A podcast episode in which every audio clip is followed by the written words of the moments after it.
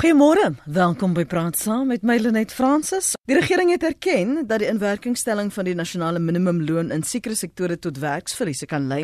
Ingevolge die ooreenkoms sal die meerderheid van die kwesbare werkers in Suid-Afrika 'n minimumsalaris van R3500 per maand ontvang.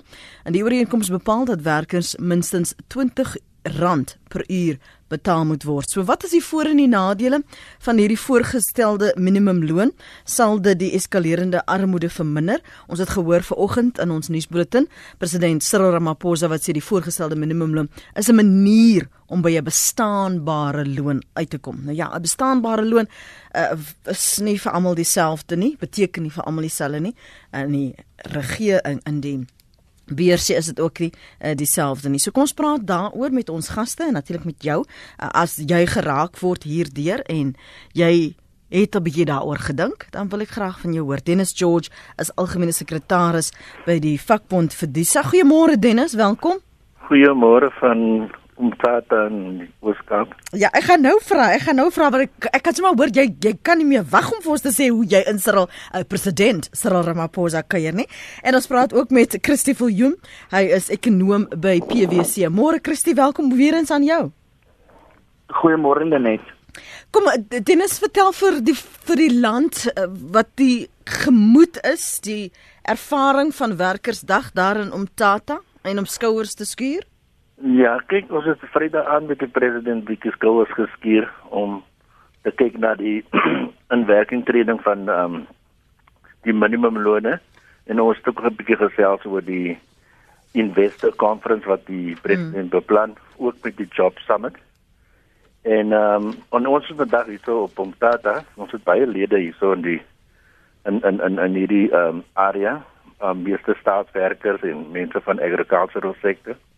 En dis 'n baie verskriklike mooi plek met die Mabatu rivier wat hier die omtato omtato loop. Ehm um, en ons is baie excited om met ons members terugvoering te gee en met hulle te gesels en te hoor ook wat is die oplossings wat hulle sien van hulle kant af om die probleme van die land aan te spreek. Jy weet die situasie van armoede, maar ook die situasie van werkloosheid. Hmm.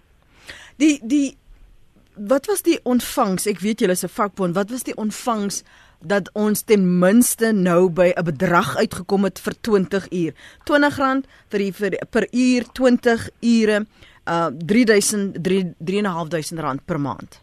Ja, kyk die drie belangrikste vakbonde federasies binne in Netlek en die regering tesame met ons uh, kollegas van die sakebedryf. Ons het omtrent vir omtrent 2 jaar oor hierdie aspek, jy weet, rondom die tafel gesit baie sondaars en Saterdag gesit en gesels om te kyk om 'n oplossing te vind. Die grootste opkomste wat ons byvoorbeeld gehad het, jy weet, wat was die vlak waar ons gaan bysit en ons kon ongelukkig nou nie daaroor hulle net uh um ooreengekom het nie. En dit is waar president Ramaphosa toe voorgestel het dat ons met 'n paneel van kundiges aanstel en ons het by die kundiges die internasionale arbeidsorganisasie ingeskakel en hulle het na hulle 'n studie gemaak het, het hulle vir ons gekom met 'n voorstel van R3500 of R20 per uur en met 'n raamwerk hoe die ding moet geïmplementeer word en dit is wat ons tot einde van die dag aanvaar het. As iets wat nou behoorlik genavors was, want ons is ook bekom by die ander kant van mense kan hulle werke verloor as die minimumloon te hoog gestel word en dan gaan maatskappye weer hulle regterapie proses en dit gaan vir ons ook ja op die ander kant van die storie om meer werksgeleenthede te skep nie. Hmm. Miskien Christo Christie ekskuus, gee vir ons die globale konteks. Waar plaas ons Suid-Afrika se poging as 'n minimum loon binne hierdie globale konteks? Ek dink as ons kyk na al die verskillende minimumlone wat mens oor die wêreld het, net breedweg na die syfers kyk, Suid-Afrika is redelik, sal mens sê, in die tendens van hoe minimumlone lyk like, teenoor lande se byvoorbeeld BBP per capita, byvoorbeeld huishoudelike inkomste. So in daai opsig is ons redelik in lyn met ander lande wat dieselfde tipe van uh, ekonomiese ontwikkeling as ons het. Die uitdaging natuurlik met hierdie vergelyking is dat Suid-Afrika het twee eienskappe wat ons baie uniek maak. Dit is ons baie hoë werkloosheidskoers mm. en ons baie hoë ongelykheid in inkomste. So op sigself is ons nie baie ver van die pad af op die internasionale tendens nie. Uh en dis natuurlik iets waarna mense wil kyk om te sê maar hierdie is al gedoen elders en daardie lande het goed gedoen. Um die probleem is ons werkloosheid en ons ongelykheid wat Suid-Afrika effens op redelik uniek maak in hierdie situasie. En dis hoekom daar so baie onsekerheid is. Alhoewel ons 'n bietjie inval met die ander lande, is ons baie uniek in ander opsigte. Dit maak daai vergelyking weer weer eens baie moeilik. So met 'n uh, gegeewe die die werkloosheidskoers waarna jy verwys het. Daar is ander ekonome wat dink dat die instelling en werkingstelling van so 'n minimumloon die ekonomie verder gaan verswak. Is dit 'n droogredenasie wat word in ag geneem om by daai gevolgtrekking uit te kom? As ons kyk na sulke tipe uh argumente dan word dit dikwels deur internasionale navorsing gerugsteun. Ehm um, die uitdaging weer eens is dat daar's lande wat al vir baie baie jare minimumlone het en dan sulke navorsing word dan gebaseer op die verandering in minimumlone. Daar's eintlik min navorsing oor die instelling van minimumlone. So die twee kante van die argument is dat een dat hoër minimumloon maak dat mense hulle werk verloor en ek dink die eenvoudigste manier om daarna te dink is byvoorbeeld 'n klein onderneming wat 5 mense in diens neem en dit net nie kan bekostig om hoër minimumloon te betaal nie. Hmm. Die ander kant van die argument is weer ehm um, soos Dennis gesê het, hierdie minimumloon is oor 'n lang tydperk deur baie belanghebbendes bespreek en op besluit en in daai opsig sou mens verglo dat die uh kom ons sê die besigheidsgemeenskap ook inkoop in hierdie idee in en dan natuurlik toegewyd gewees om so min as moontlik werksverliese te kan sien weens die in, instelling daarvan. Uh ek dink op hierdie stadium en dit is iets wat wyd erken word. Daar's net breedweg onsekerheid oor presies wat in Suid-Afrika gaan gebeur. Hmm. Uh daar's argumente dat ons nie gaan werk verloor nie. Daar's argumente dat ons al werk gaan verloor. Ons sit in 'n situasie waar daar eintlik baie onsekerheid is en dit is natuurlik kommerwekkend gegee hoe hoog werkloosheid al reeds is. Maar maar is dit nie juis Ja Dennis, ek wil jou ka vra want want as ons praat van soveel onsekerheid al reeds moet ons nie onsself voorberei dat om sekerheid te verkry gaan mense wil terugstoot nie gaan mense dit wat hulle het gaan probeer beskerm nie Nee, nee, kyk wat ons gedoen het net en ek dink uh, Christo uh, nou net op die punt geraak daarso dat die beraadslaging tussen die sake gemeenskap en regering ons het ingebou in hierdie raamwerk dat indien 'n maatskappy nie kan bekostig nie om die minimumloon te betaal nie dan kan sou doen 'n maatskappy, jy weet, um vir die kommissie sê ek kan nie die salaris bekostig nie, dis wat ek kan bekostig. Gee vir my 'n vrystelling tot die volgende finansiële jaar op so 'n so datum en dan kan ons vir die saak en dan heroorweeg. En van ons wil definitief ons ons mense uit armoede oplig, maar ons wil in dieselfde proses meer mense werkloos maak nie. Hmm. So ons praat vanoggend dis kwart oor agterloops in die tyd vir jou belangrik is ons praat oor die uh, minimum loon, die voor en die nadele van die voorgestelde minimum loon. Ons praat met Dennis George, um, hy was op pas in die woord algemene sekretaris by die vakbond Verdisa en Christie Viljoenus ekonom by PwC. As jy kyk na dit ons ons weet nie hoe die mark, ek gaan maar mark nou ook in aanhalingstekens plaas in sektore dit gaan uh, ontvang nie. Wat is die voorspelling? Wat is die redenasie dan Christie? As jy kyk na die verskillende sektore, watter sektore het ons die broodnodigste? En, uh, en wat sal makliker gedei onder al hierdie uh, aanpassings? Wel ek dink die eenvoudigste is om dalk te kyk na waar waar in watter sektore het die meeste werkers op is op hierdie oomblik onder daai minimum inkomste vlak. En uh, daar kyk ons na onder andere landbou, uh, bosbou, visserye, ehm um, en veral ook soos uh, die klassifikasies privaat huishoudings. So daar kyk ons basies na huiswerkers. Ehm uh, dit is die industrie waar die meeste werkers tans onder hierdie minimumloon geld verdien. Die probleem is ook dat hierdie is dikwels seisonale werk, dit is baie keer informele werk. Daar's 'n groter risiko dat die werkverskaffer besluit om eerder minder mense aan te stel mm. of 'n ander skuiwergat is ook om mense aan te stel vir minder ure. Nou dit kan beteken dat waar die minimumloon bereken is op 'n 40 uur werksweek, dan kan iemand besluit om eerder iemand vir 30 uur aan te stel. Dan is daai impak van 'n hoër minimumloon natuurlik baie minder. Uh, in Engels is daar die term underemployment.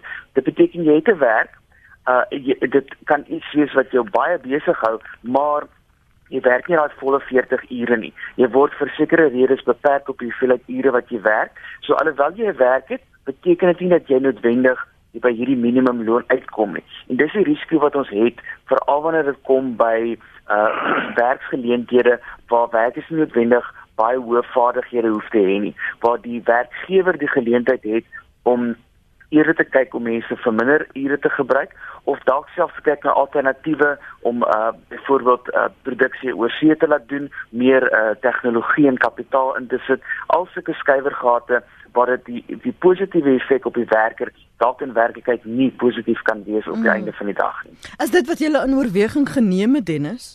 Ja, kyk ons het na almal hierdie aspekte gekyk in die verslag van die uh, komitee van ehm um, kundiges is jy weet beskikbaar op die webblad. Ehm um, op die internet, sorry. En wat vir ons ook ehm um, uh, uh, bekommernis is, jy weet dat dieselfde tyd wat ons nou hierdie ehm um, minimumloone implementeer, weet as die ekonomie sukkel hy om mm. op sy bene te kom. Ehm um, in terme van die nasionale uh, ontwikkelingsplan wat voorgestel het dat ons met die ekonomie laat groei teen omtrent so 5.4% om meer werkgeleenthede te skep. So ook, ook die klimaat is moeilik. Die situasie is moeilik en dan het ons as vakbonde ook ehm um, alhoewel Kusatu vir Dusa en Nakto die ooreenkoms geteken het, jy weet die nuwe wegbrekende vakbond die weet hy veroorsaak nou klomp verwarring tussen die mense daar buite kan mm -hmm. om vir die mense allerlei bangmak stories te praat en en en en en te sê weet hulle wil 12500 rand vir minimumlone. Jy weet van hulle dink dat hulle nou die mense op so 'n manier gaan opsweep. Jy weet die mense gaan nou aankledelle vakbond. Maar ons weet daar is wat van strategie en taktiek. Maar maar wat van korte duur watter bemingings watter tipe bedingings mag het hulle om daardie soort beloftes te kan maak? Kyk soos ons mos nou die Griekse woord ken van 'n demagogue doesn't need anything he just needs to make promises you see en dit wat die hele storie vir ons is jy weet alhoewel ons nou hard gewerk het in die regering alhoewel ons realisties was en almal hierdie goed jy weet ons, ons word nou vandag uitgemaak as die grootste sellouts wat Suid-Afrika nog ooit in sy hele geskiedenis geervaar het. So dit is ook 'n probleem in ons arbeidsmark. Weet wat die mense kry, die mense wat hulle self radikales noem, jy weet. Maar uiteindelik noem die mense wat meer die politieke mag is. Maar jy het net ook gesê dat dit skep net verwarring. Wat was die terugvoer op grondvlak van werkers wat wel hierdie beloftes of kon glo of daaroor dink of dit nou 'n demagogue of nie is? Ja, ek dink dis 'n groot rol wat hulle speel as die media. Jy weet om vir ons 'n geleentheid te gee om met die breë publiek te kommunikeer oor hierdie situasie en ook om vir hulle die agtergrond te gee. Jy weet, ehm um, direk van ons wat betrokke was met hierdie onderhandelinge en so meer. Ehm um, want ons wil definitief baie graag wil die minimumloon meer wil gemaak het, maar ongelukkig moet die mense die realiteit in die oë staar en moet die mense baie prakties wees oor die aangeleentheid. Cyril, die president Cyril Ramaphosa sê dat hierdie is maar net die beginpunt op pad na 'n bestaanloon. Wat beteken 'n bestaanloon Dennis en hoe verskil Jody se bestaanloon van jou bestaanloon? ja, ek het bestaanloon wat hulle mos in Engels sê die living wages. Mhm. Mm Met ander woorde, dit is die geld wat mense nodig het om 'n behoorlike bestaan te kan voer. Jy weet maar dan met die mense die ding ook in die breë konteks sien. Die regering byvoorbeeld kyk na die arme mense en van die begroting af gee ons vir mense huise verniet. Jy weet so wanneer die persoon ons se salaris kry, dan het hy byvoorbeeld nie nodig om nog 'n verband te betaal nie. En en en en dit help dan die arme gemeenskappe ook, maar ook met ehm um, ehm um, um, onder op opleiding. Jy weet vir die regering ook vir ons arme mense jy weet 'n kans om van nie opleiding te kry so mee. So daar's verskillende programme wat die regering van hulle kant af ook probeer om daar te stel om te help. Want ons goed meeste van ons fokus in Suid-Afrika is meer gerig op die mense wat die armste is en te kyk dat ons 'n meer gelyke gemeenskap kan skep. Ek wil terugkom na wat uh, ekonome as 'n bestaanloon dan in ekonomiese terme sou beskryf. Ek gaan nou by jou wees, Christie. Een van ons luisteraars, 'n paar van hulle sê, ehm, um, nee wat hulle net, so verleë is ek nie. Ek kan dit nie bekostig nie. Nog 'n een, minimumloon se voet wat van die arme pensionaris moet hoe moet hy of sy lewe op net 1690 rand per maand. So wat kwalifiseer dan as 'n bestaanloon want wat vir jou geld geld nie vir my nie Christie. Uh, net as definitief nie 'n uh, is 'n ooreenkoms tussen al die nodige partye oor wat 'n bestaansloon gaan wees nie. As jy verskillende politieke partye vra byvoorbeeld, gaan hulle baie wye syfers gee, gee enigiets van R5000 'n maand tot R12000 'n maand. Mm -hmm tussen die die vakbonde, besighede, uh, verbruikersorganisasies. Ons het in Suid-Afrika nie 'n ooreenstemming oor wat so bestaansloon is nie. En soos Dennis nou gesê het, dit dit raak 'n bietjie moeilik wanneer jy kyk na kwessies soos verblyf waar sekere mense uh, kry behuising, ander mense kry verblyf as deel van hulle werk byvoorbeeld op plase. Uh kwessies van opleiding, uh kom ons kom ons praat maar breedweg van vergoeding wat nie in geldnote getel word nie, verblyf en opleiding sulke tipe items. Hmm. Dit maak die kwessie baie kompleks. So die situasie waarmee ons tans sit is dat ek is seker dat meeste mense gaan saamstem om by 'n bestaansloon uit te kom is die uiteindelike doel hierso. Ons probleem is net tans op die oomblik as Suid-Afrikaners, ehm um, wat ons almal eintlik maar gewoond is daaraan dat ons oor meeste goed nie gaan saamstem met mekaar nie.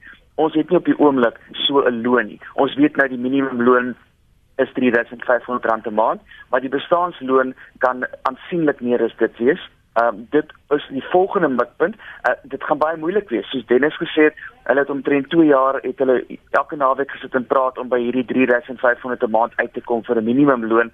Dink jy hoe lank kan dit dalk vat om by 'n bestaansloon uit te kom? Hoor jou. Dankie vir die oproep Teresa. Goeiemôre. Goeiemôre Lenet. Weet jy, ek het baie lank by genoteerde maatskappye gewerk. En ehm um, ek het my eie besigheid vandag. Ek betaal al vir jare meer as die voorgestelde minimumloon. En ek moet sê ek dink dit is noodwendig in die ehm um, formele sektor uh, of die informele sektor soos myne waar daar net 'n klein hoeveelheid mense is wat werk. Ek het 'n critical mass. Ek het 5 masjiene en elke liewe masjien kort iemand om hom ehm um, te operate ons mm. praat. So ek kan een van hulle laat gaan nie. Een persoon kan nie twee masjiene werk nie. Dit dit is net wat dit is.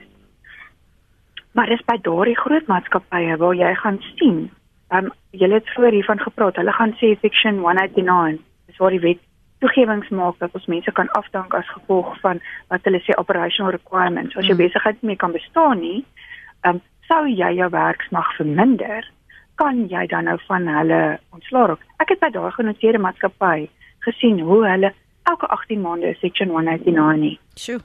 Net om hulle wins te verhoog. En wat wat ehm um, 'n uh, bestaansloon betref, ek meen ek is iets ouditeur. Ehm um, ek gaan na plase toe en ek audit hulle en ek gaan in besighede en ek audit hulle.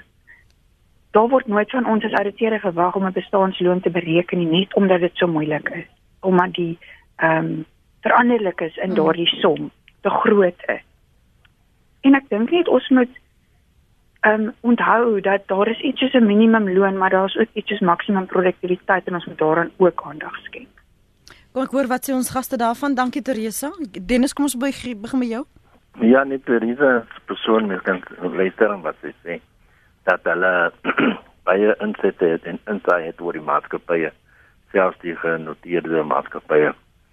En ek dink wat ons noodsaaklik gaan wees dat uh, ons moet 'n meer breë gesprek hê. Uh as 'n mens wil kyk na die ongelykheid en ek dink um, van die maatskappye se kant af het elke maatskappy byvoorbeeld uh uh 'n social and ethics committee wat 'n statutêre komitee is in terme van die maatskappy as 'n wetgewing. En ons van ons kant af voel dat hierdie social and ethics committee doen nie hulle werk 100% nie.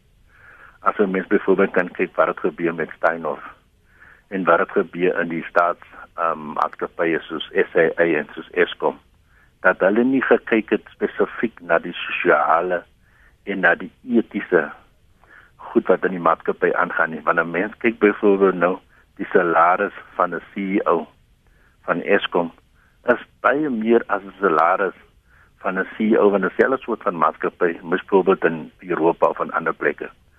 En en en so ons is baie gretig en baie gou om die salarisse van die topbestuur, jy weet, op daardie band te plaas. Maar as ons kom by die werkers onder, dan wil ons altyd net kyk om vir hulle so min as moontlik te betaal. En ek dink dit is 'n minuut ding wat ons moet aanspreek as die vakbonde vir daardie proses. As jy weet as en, en Teresa het daarna verwys dat daar is maniere en ek dink uh, Christie het ook gesê van die skuiwergate. As jy weet daar's maniere om daar uit te kom Dennis, dan gaan jy mos die gap vat. As jy weet, um, ek gaan net aansoek doen vir 'n vrystelling of ek gaan sê maar my besigheid sal dan maar moet sluit soos die een luisteraar gesê het, ek is nie verleen nie. Dan gaan jy dit toepas want dis mos nou 'n maklike manier as niemand vir jou verantwoordbaar maak nie dan gaan jy mos daarmee wegkom. Ja, maar kyk, dit is ons verantwoordelikheid net om die mense verantwoordelikheid te maak. Dit is ons elke dag sit ons in ons beraam maniere om te verseker byvoorbeeld met Steinhoff en met ander soort van maatskappye wanneer ons ons 'n voorbeeld maak van een of twee of drie groot maatskappye dan sal dit ander maatskappye ook 'n bietjie laat skrik. Ehm um, want dit is maar die manier hoe die ding gedoen word in ons bedryf, jy weet, dit nie die meeste scientific nie, maar dit is meer gefokus en Dit is waarom ons vir die regering gevra het dat hulle moet asseblief vir ons werkers direkteure ook op die rade van hierdie maatskappye plaas, spesifiek van hierdie geliste maatskappye en ook maatskappye waar die staat die eienaar is. Hoe gaan mense dit regkry, Christie, veral genoteerde maatskappye wat sê aan die einde van die dag gaan dit oor produktiwiteit. Ons moet ons moet dit is die uh, vooruitsig. Dit is wat ons moet regkry. Hier een van ons luisteraars skryf hier: minimumlone kan nie dieselfde wees vir die myn aan die plaaswerk kurs byvoorbeeld nie. So, hoe bestuur jy mense so iets? Ek dink dit is uh, deel van die kwessie van hierdie is 'n baie groter gesprek en 'n ek wil amper sê 'n baie langer termyn kwessie. Uh ons het natuurlik in die land die nasionale ontwikkelingsplan wat sekere mikpunte stel vir tot en met 2030. Uh ons is in op hierdie stadium sal ek sê redelik agter met meeste van daardie mikpunte. Um ons het nodig om rondom hierdie kwessie van lone en produktiwiteit en daardie tipe kwessies 'n groot gesprek te hê om te bepaal waar ons byvoorbeeld wil wees in 2030 en 2040. As ons daai mikpunte kan stel, kan ons kyk na werkers se lone, ons kan kyk na produktiwiteit, ons kan kyk hoe ons beleggings bevorder en dan kan ons natuurlik ook kyk na die vergoeding van werknemers wat nie rondom hierdie minimumloonvlakke is nie wat hoër op die skaal is. Ehm um, en natuurlik die kwessie van formeel en informeel. Ons het 'n groot informele komponent in ons land uh omdat daar uh probleme is met die skepping van formele werk. Ek het reeds genoem ons ons baie hoë werkloosheidskoers. So ons het 'n uh, ons in 'n groot uitdaging in ons land om oor die volgende paar dekades hierdie kwessies uit te sorteer. En uh ek ek, ek glo dat die probleem is dit pos dat ons nie ver genoeg vooruit kyk nie. Um, en dit is natuurlik net menslik. Ons moet dink aan wat vandag en môre en oormôre gebeur. Jy moet dink aan die vergoeding wat jy hierdie maand ontvang. Jy moet dink aan jou maatskappy se winsgewendheid hierdie jaar. Dit maak dit vir ons baie moeilik. Uh, ons is nog steeds 'n uh, baie jong demokrasie uh, en om baie baie ver vooruit te dink gegeewe kwessies soos onsekerhede oor die ekonomie en die politiek. Dit maak vir ons baie moeilik. Ehm um, dit is hoekom ek sou sê na hierdie minimumloon ingestel is, die gesprek oor die bestaanloon voort moet gaan en verder ver heelwat verder vooruit moet kyk vir ons om enigstens vordering te maak om hierdie kwessies oor die langtermyn bymekaar te kan uitbring. Um in die belang van die land as geheel. Ons het groot uitdagings met werkloosheid en ongelykheid. Ons gaan dit net kan aanspreek indien ons almal saamwerk en dit is 'n lang langtermynplan daarin. Mm. Kom ek lees wat skryf sommige hier op ons webblad. Verskoon die Engelse stelling why minimum wages and not a living wage is dit waar dat die vakbonde selfs aandeelhouers van maatskappye is en daarom maar die maatskappye beskerm. As Johnny Boy van die Weskaap wat dit wil weet Dennis, ek gooi dit sommer nou daar in jou rigting. Ek wil my al die moeilike vrae. nee, nee, nee, dis nie moeilike vrae nie. Ons dink 'n bietjie oor hierdie situasie. ja, kyk, dit is so dat baie van die vakbonde het byvoorbeeld die uh truste of die um jy weet ander uh, legal entities het hulle vir hulle byvoorbeeld jy weet 'n um, maatskappy gestig waar hulle aandele en sulke goed bekom. Maar soos ek voorheen gesê het, jy weet die ding van die die etiese leierskap en die storie van um die social part of society, jy weet in alhoewel dit 'n langtermynproses is dink ek dat die hele gemeenskap moet betrokke word met daardie gesprek. Want ehm um, as 'n mens byvoorbeeld nou kyk, jy weet, die geld wat bes wat beskikbaar is deur die markte om ons mense op te hef en so om ons mense aan te spreek, jy weet, is dit definitief so. En ek wil ook dan net sê vir ons ehm um, persoon wat aangeskakel het. Jy weet indien hulle byvoorbeeld van mense weet of van vakbonde weet dat die mense nie die minimumloon betaal nie, dan moet hulle na die media toe gaan en die mense moet blootgestel word by te kan om te wys wie is die mense wat ons mense indoen. Want ons almal moet onder dieselfde kam gekam word. Ehm um, en baie vakbonde weet ek persoonlik van hulle is van die slegste werkgewers wat jy kan kry. Maar dit kom by die beskerming van die lid regte. En dan dan dan dan wil hulle die maatskappy 'n bietjie baie druk, jy weet om om om om die die stories aan te spreek. Mm. Die die gedagte van 'n minimumloon, ons het gepraat oor en geraak aan sommige van die sektore, Christie. Wat was die onmiddellike ontvangs van werker, uh, werkgewers verskoon my, want jy het gesê dis baie maklik ook om skuiwergate te midde van hierdie onderhandelinge en die optimisme te vind. Die ontvangs is weer eens baie divers. Ehm um, daar sekere maatskappye wat baie ontvanklik is vir hierdie verandering. Ehm um, en dit skakel dan in met soos Dennis gesê die die etiese ehm um, items waar hulle moet dink. Dan kry jy natuurlik maatskappye wat definitief gaan wal gooi. Ehm uh, dit is vir byvoorbeeld maatskappye wat internasionale belegging probeer trek na Suid-Afrika moontlike groot uitdaging. Uh ons arbeidskoste is hoër as byvoorbeeld wat mense in Asië sien.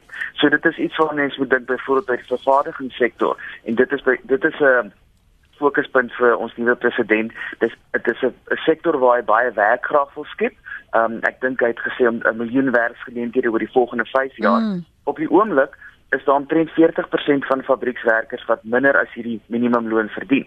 So daar's natuurlik vir hulle voordeel wanneer hierdie minimumloon inkom, maar wanneer ons die kyk na die koste van produksie, ons moet meeding met ander wêreld areas soos Asië, dan begin dit 'n bekommernis raak. So ek sal sê oor die spektrum van uh, kom ons noem dit maar aanvaarding van hierdie minimumloon, gaan jy wyk na links en wyk na regs aanvaarding en uh, ek wil amper sê verwerping kry en dis aan daai waar daar nie heeltemal 'n uh, goeie gemoed is teenoor dit nie waar hierdie skuiwergate gaan inkom. Daar's natuurlik wettiglike uh, maniere uh, om om hierdie uh, verhoogde lone te kom. Daar's natuurlik onwettige maniere.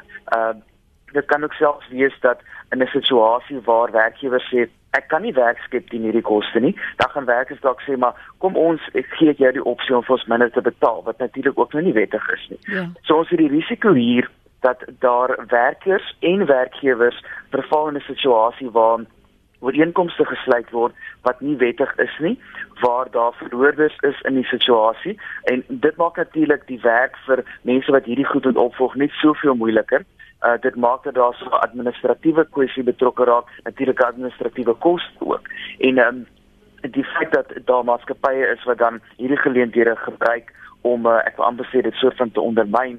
Um, hmm. Dit is deel van die onsekerheid en die bekommernis van die wat wat werklik die netto positiewe impak gaan wees van die minimumloon. Dit is wat as jy vir my sê, kyk hierso, Christie, ek kan of Lenet in die geval, Lenet, ek kan vir jou aanhou nê, nee, maar ek kan nie vir jou 3.500 rand per maand betaal of 20 rand per uur nie, maar ek kan wel vir jou soveel betaal. Dan het jy mos nog 'n job. So daardie soort emosionele afpersing en of bedinging, dit maak 'n impak want jy wil werk, jy wil kos op die tafel sit. Bogger die die uh, minimum loon dan definitief en dan kry jy die situasie waar die werkgewer byvoorbeeld 20% meer moet betaal as voorheen, dan besluit hy, "Wel, dan gaan ek vir 20% minder ure in diens neem."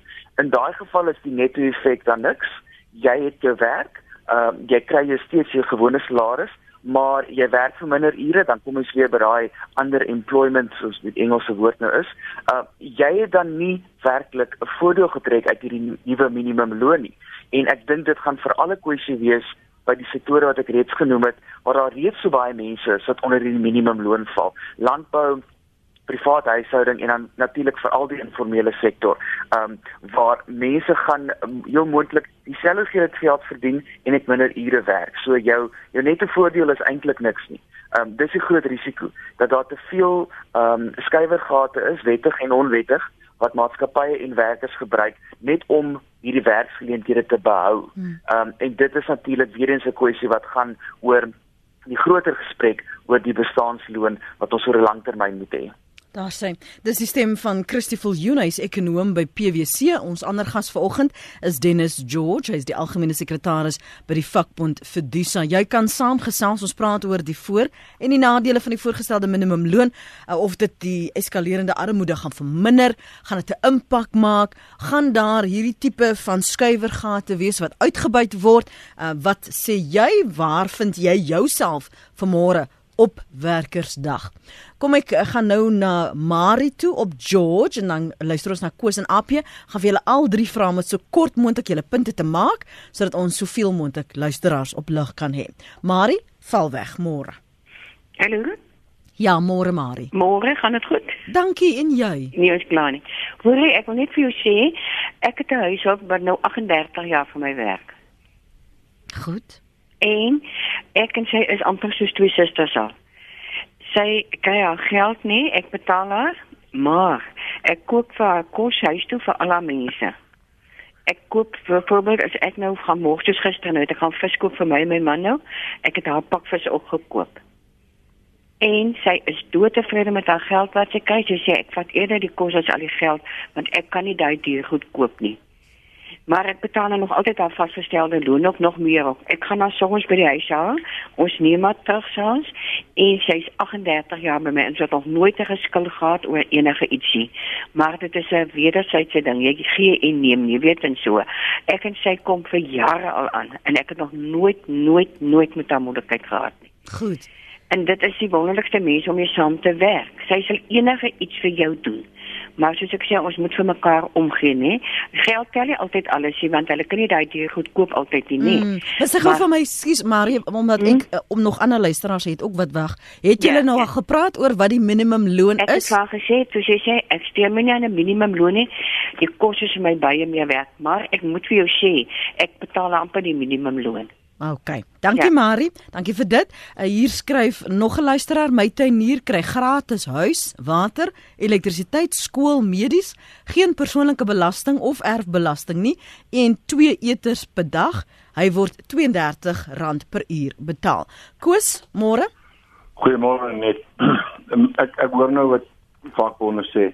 Jy weet, minimumlone moet gekoppel word aan produktiwiteit. En produktiwiteit word gekoppel aan opleiding. My vraag van die vakbonde is wat wat doen hulle om opleiding te voorsien aan mense? As ons gaan kyk wat die afgelope ruk in Suid-Afrika gebeur het. As ek net vat op landbouvlak, hoeveel mense het die landboubedryf of werkers die landboubedryf verlaat as gevolg van die afdwing van minimumlone? Waar is die opleidingssentrums wat daar voorheen was om plaasarbeiders op te lei? Ek dink aan 'n boskop naby uh, Potchefstroom. Wat het van dit geword? Daar is dit net nie meer nie. As jy gaan kyk na ander gebiede, gaan kyk na die tekstielbedryf. Hoeveel tekstielfabrieke is toegemaak wat dood eenvoudig goed ingevoer word van oorsee af? Wat geword van Waverley, Komberse, wat geword van al hierdie TK skoolklere? Wat van daai goed geword? Wat geword van ons ons ons ons ons uh uh staalbedryf? Ons voer nou alles stukkies, ons voer tot skrootyster uit om elders te laat verwerk en dan word dit teruggebring na Suid-Afrika vir verwerkte vorm. My vraag is net, wat doen die vakbonde om regtig vir ons wat hulle van verwag om minimumlone te betaal, die nodige opleiding te gee, te voorsien en te sorg dat dit daar is? Dit lyk vir my maar die vakbonde is ook maar amper soos ons groot multinasjonale maatskappye. Klop goed mense wat hulle self net bereik en wat self 'n lekker nes uitgeveer het daar. Dis my eerlike opinie. Want... Goed, dankie Koos. Koos is daar op Tennyson AP. Jy hou vir my aan op lyn 4. Hou dit vir my kort môre. Uh, goeiemôre net. Baie dankie vir die geleentheid. Ek stem 100% saam met Christo dat minimumlone moet gekoppel word aan produktiwiteit. Ons moet versigtig wees dat ons nie die werkers se rol te veel oorbeklem toon nie.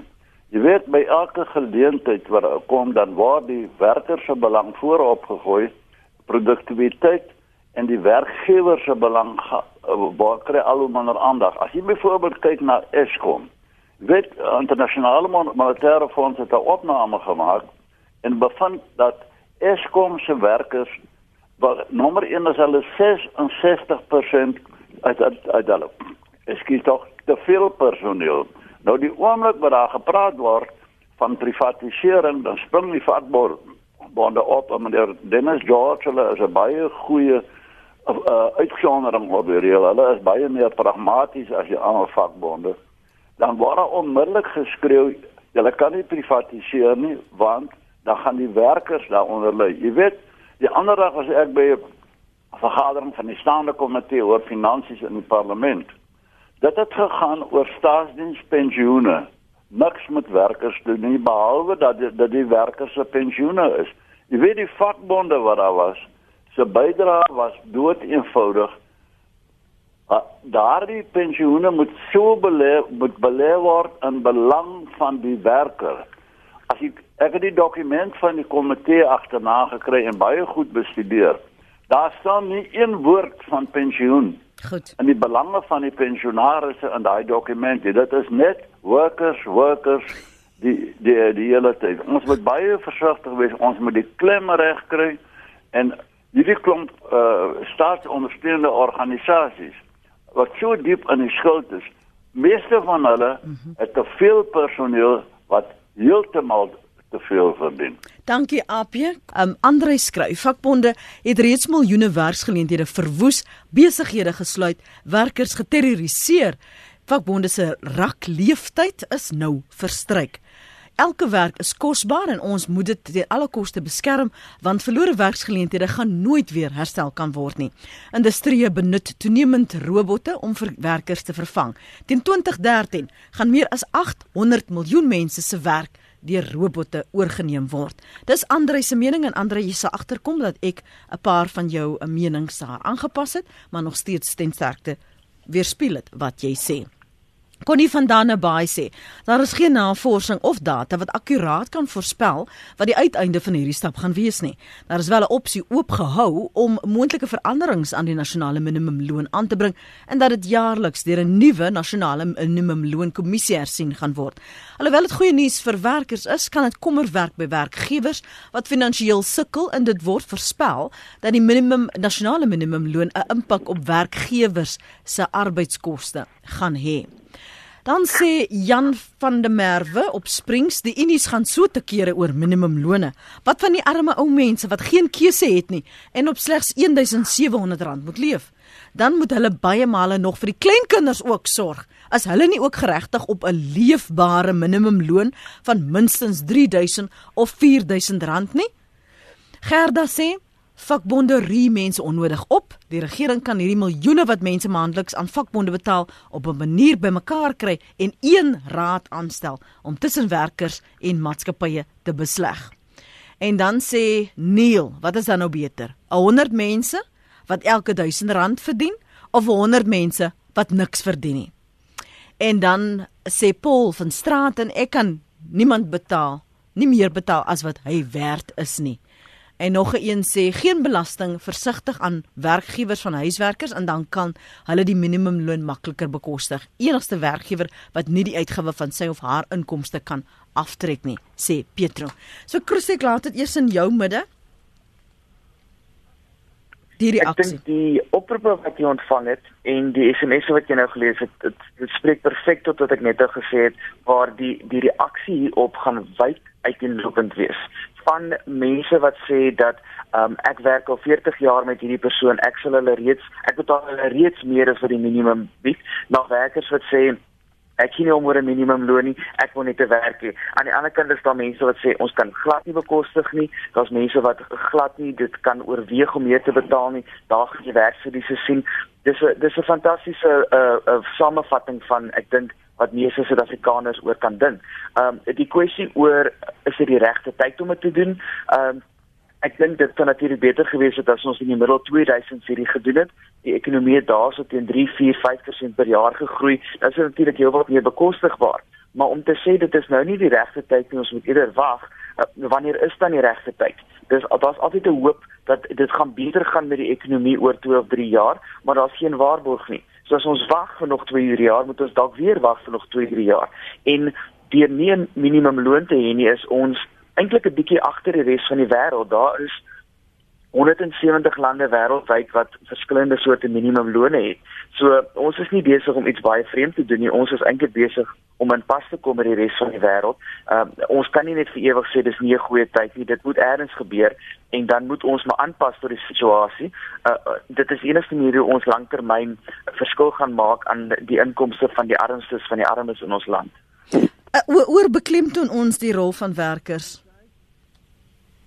Christie Nee, definitief nie. Ehm um, ons is in 'n uh, ons is 'n ont, ontwikkelende land. Uh, ons het nie ehm um, ontsettende hoë tegnologiese intensiewe bedrywe nie. Dit beteken dat werkers is die mense wat die ekonomie dryf. Um werkers is natuurlik ook die mense wat um huis toe gaan elke dag wat vervoer gebruik, wat by die huis kom wat elektrisiteit gebruik. Dit is die mense van Suid-Afrika. Ons kan nie die um die, die belangrikheid van werkers onderbeklem toon nie.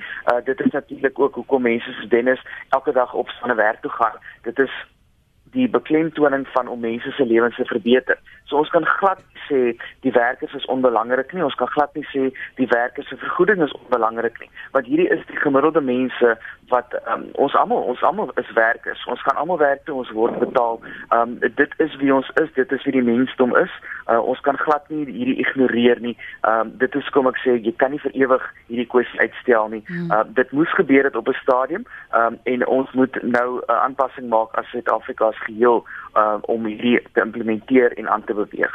Ek het nou soveel moontlik en waar ek kon 'n uh, wye refleksie probeer gee van wat ons luisteraars sê en dankie julle vir al die SMS'e ek waardeer dit veral op 'n vakansiedag. Som sommige is beredeneerd, sommige is net woes.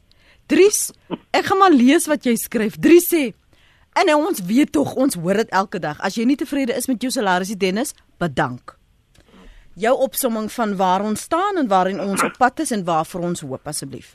Ja, ek wil dan ten minste net vir jou die mense wat ingeskakel het met moeite gemaak het om vir hulle ook in dieselfde te antwoord. Dankie. Dankie. Van ons kant af is dit ons raamwerk is duidelik. Die regte van werkers is dieselfde soos regte soos um, grondregte en ander regte. Want dit is nie grondwet wat skryf. Dat werkers het die reg om 'n vakbond te vorm, hulle het die reg om te behoort aan 'n vakbond Dit is 'n grondwetlike reg en dieselfde gebeur met die werknemers. Hulle het ook 'n reg om 'n organisasie te vorm en dit is die raamwerk. En uh, vir die manne wat nou nie daarvan hou nie, weet hulle moet die grondwet van verander. Ehm um, van my kant af stem ek saam met jou kollega wat ingeskakel het. Die die voorstel wat hy gemaak het oor opleiding. Ons vat hierdie ding baie baie ernstig op. En wat van ons gedoen het, ons met besigheid toe saamgewerk en ons het agtergekom dat daar omtrent so 4 miljoen jong mense wat uit die stelsel het uitgeval het. Hulle het nie matriek klaar gemaak nie en wat besigheid en arbeid te besluit het om te doen. Praktiese program. As om 1 miljoen jong mense oor 'n periode van 3 jaar ten minste 'n 12 maande kans te gee om in 'n maatskappy te werk en dan sodoende praktiese ondervinding op te doen en ons ons moedig ook die maatskappye aan om daardie mense ook vir verskillende kursusse te stuur net om hulle alle vaardighede bietjie op te knap jy weet so om te sê dat die vakbedryf nas nie ons doen baie om ons mense te help dan die dame wat so mooi Afrikaans gepraat het wat met haar huishoudster al 38 jaar in diens by is om even vas sê ons het gespesifiek gedink aan haar en sulke mense soos sy toe ons die die prys vasgestel het en dis hoekom ons gemaak het die salaris vir die vir die vir die huishulpe het ons dit gemaak 80% van die minimumlone. OK? Om dan die storie in te pak, maar hulle het dan tot tussen mekaar, jy weet, 'n reëling tref. Want ons wil graag hê nou daardie verhouding moet geëindig word nie. En ek moet sê daar's baie baie goeie mense in ons land wat baie goeie verhoudings het met ons uitwerker en ek wil net van my kant af 'n dankie sê dat jy elke dag die ou tannie gaan optel en weer terug is te vat. Dan die storie van ehm um, Christo wat gepraat het van productivity. Uh ons het 'n ooreenkoms as Suid-Afrika met Japan. En ons stuur byvoorbeeld elke jaar omtrent so 3 vakbondverteenwoordigers na Japan toe om te gaan kyk met hulle hoe hulle produktiwiteit in hulle maatskappye verbeter het.